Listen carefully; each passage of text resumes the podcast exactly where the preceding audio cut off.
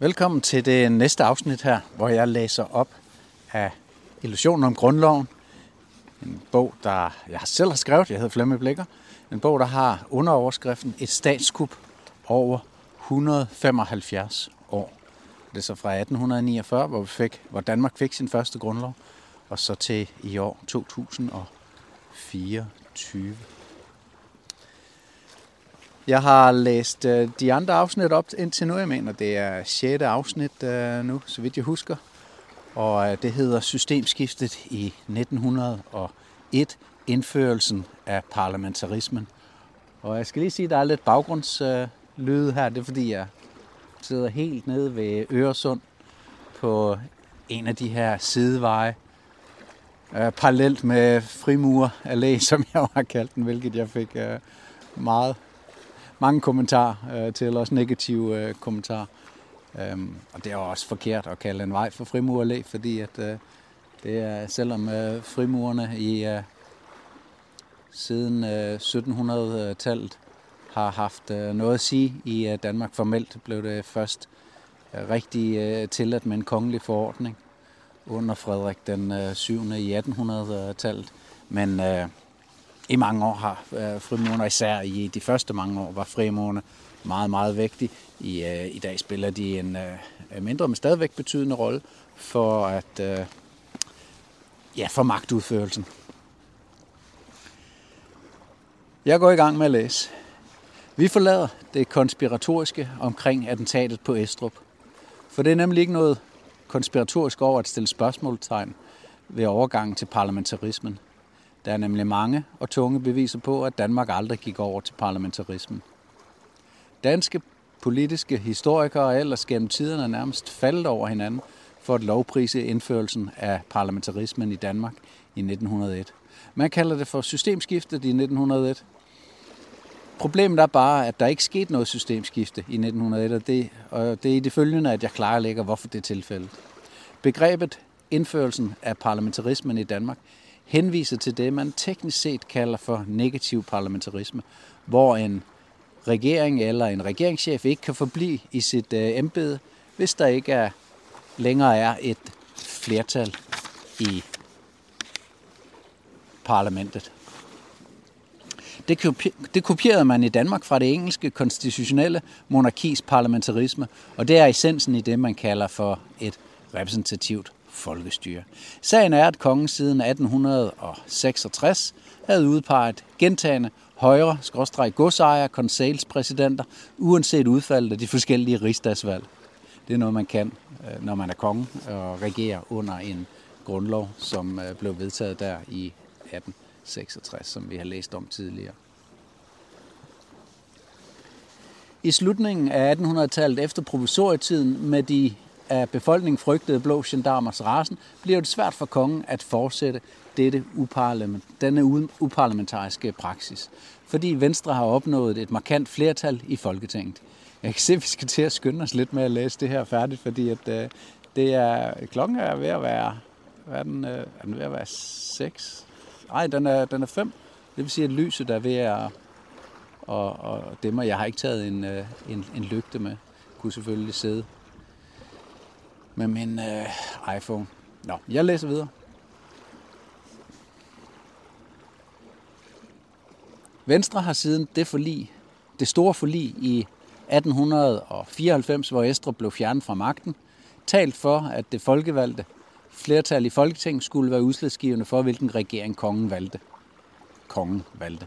Men det er først i 1901, hvor Venstres oppositionsleder J.C. Christensen har over halvdelen af alle mandaterne i Folketinget, at Christian 9. må opgive sine højre godsejerregeringer. Efter valget har Højre kun 8 mandater tilbage i Folketinget mod Venstres 76. Det er højrefolkene selv, der ikke vil byde landet en ny højre regering, uden rigtigt at have noget parlamentarisk grundlag, og kongen bliver dermed tvunget til at vende blikket mod Venstre. Men kongen bryder sig ikke om oppositionslederen, som jo kommer fra Venstre, det tidligere bundevennerne for og som er modstykket til den konservative tilgang, der er kongehusets.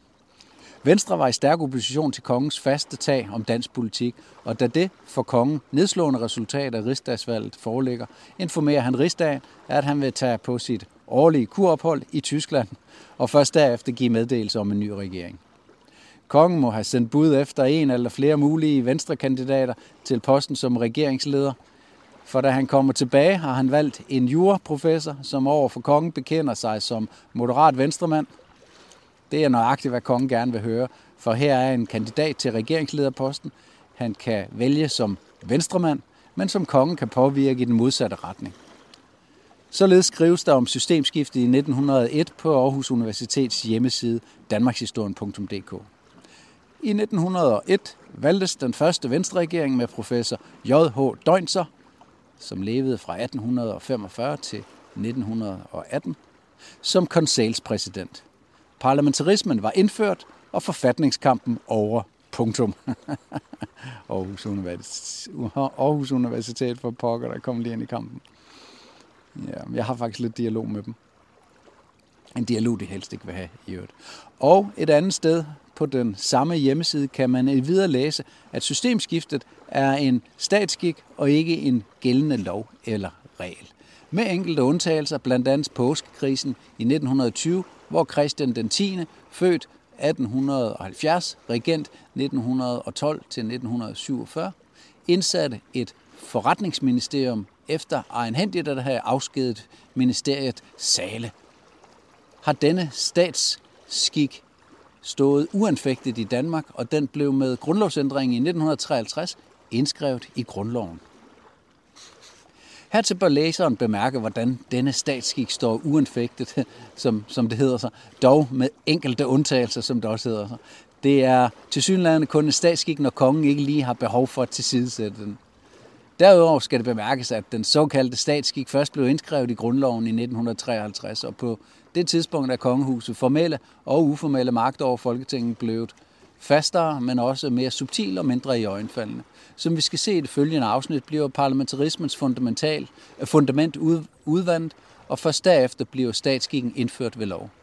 Den valgte konsalspræsident J.H. Døgnser er altså instrumental for, at kongen får lukket munden på den for kongen og adel uregerlige del af det venstredrejede politiske landskab, samt den voksende, forandringskrævende bonde- og arbejderbefolkning.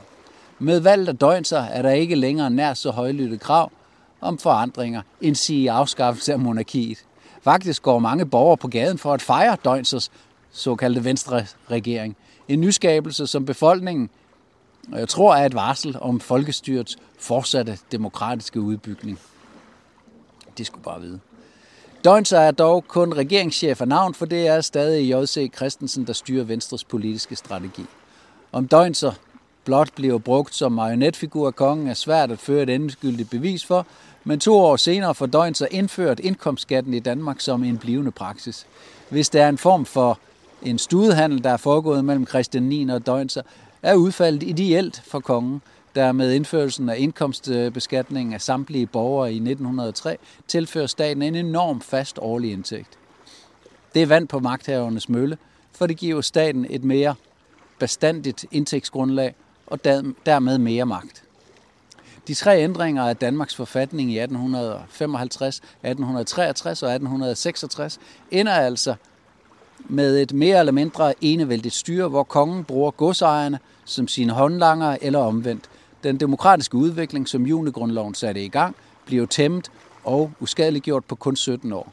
Og kongen havde derefter krammet på Danmark i næsten 50 år, fra 1866 til 1915. Selv efter det, der i 1901 døbes systemskiftet, vælger kongen stadig egenhændigt sin konselspræsident. Ifølge den officielt overleverede historie er det netop ved systemskiftet i 1901, at Danmark skulle være overgået til parlamentarismen. Det ville have betydet, at kongen ikke længere kunne udvælge, hvem han ville have til konselspræsident. Fra, 1800 og, eller undskyld, fra 1915, så hedder det jo statsminister. For så kunne vedkommende hurtigt risikere at få et flertal imod sig og snart blive tvunget væk fra posten igen. Men påskekrisen i 1920 viste, at når kongen blev presset, så han stort på denne statsskik og fyrede rasvæk statsminister C.T.H. T.H. Sale og hele dennes regering. Påskekrisen beviste, at systemskiftet 1901 i virkeligheden slet ikke var noget systemskifte, for når det kom til stykket, overholdt kongen ikke de nye parlamentariske spilleregler. Igen i 1940 er det den samme Christian 10., som endnu en gang slår fast, at vi aldrig har haft parlamentarisme i Danmark. Stavning præsenterer en ny regering for den aldrende konge, men bliver afvist i døren. Stavnings andet forsøg blev mere succesfuld, men hvordan kunne kongen afvise ham i første forsøg, når Stavning netop havde et flertal i parlamentet? Det er kun muligt for kongen, fordi denne såkaldte statsskik til Sydenlandet kun er en statsskik, når kongen tillader det. Længere fremme i bogen ser vi på, hvordan dette mønster gentager sig. Kongehuset har i virkeligheden al magten, altså formelt, men bruger den kun, når kongehuset finder det bydende nødvendigt, eller når de får besked på, at de skal bruge den. Det er jo også en mulighed. I mellemtiden har folket fået i, I mellemtiden kan folket få lov til at lege med parlamentarismen, demokratiet og folkestyret, dog mere af navn end af gavn. Det subtile i denne udvikling er vigtigt at have for øje i de følgende afsnit. Og så er vi fremme ved grundlovsændringen i 1915, der hedder kvindernes valgret. Det vil jeg selvfølgelig ikke læse nu, for det vil jeg læse i næste afsnit. Jeg kan heller ikke læse mere nu, fordi det er blevet mørkt. Og så gode er mine øjne heller ikke til at se i øh, mørke, men øh, hvor er det lækkert at sidde her. Så tæt på byen, og så alligevel så langt væk fra det hele. Og bare lytte til bølgerne slå ind. Og så sidde med så vigtigt, synes jeg selv, et dokument som den her grundlovsbog, som jeg mener fortæller sandheden om øh, grundloven. Jeg skal også til at have fulgt op på øh, alle de politikere, som har modtaget, det er jo alle Folketingets politikere, som har modtaget et eksemplar af den og høre, hvad de har. Jeg ringede til tre af dem i går. Rasmus Jarlov, øh, Lars øh, Bøje Mathisen, eller var det i forgårs? Lars Bøje Mathisen og øh, Trine Pertu Mark, men øh, ingen af dem tog telefonen, og så ringede Lars Bøje til, øh, tilbage. Så fik han desværre min telefonsvar, og det betyder jo så, at han øh, nok ikke kommer at ringe, til at ringe tilbage. Han vil nemlig ikke snakke med mig, så han har jo lyttet på min telefonsvar og hørt, at det er mig, der har prøvet at ringe til ham. Og han øh, vil ikke øh, svare på mine mails, og han vil ikke øh, mødes med mig, og han vil ikke tale med mig. Så så meget for, at øh, Lars Bøge Mathisen er folkets talerør øh, derinde. Ikke? Det er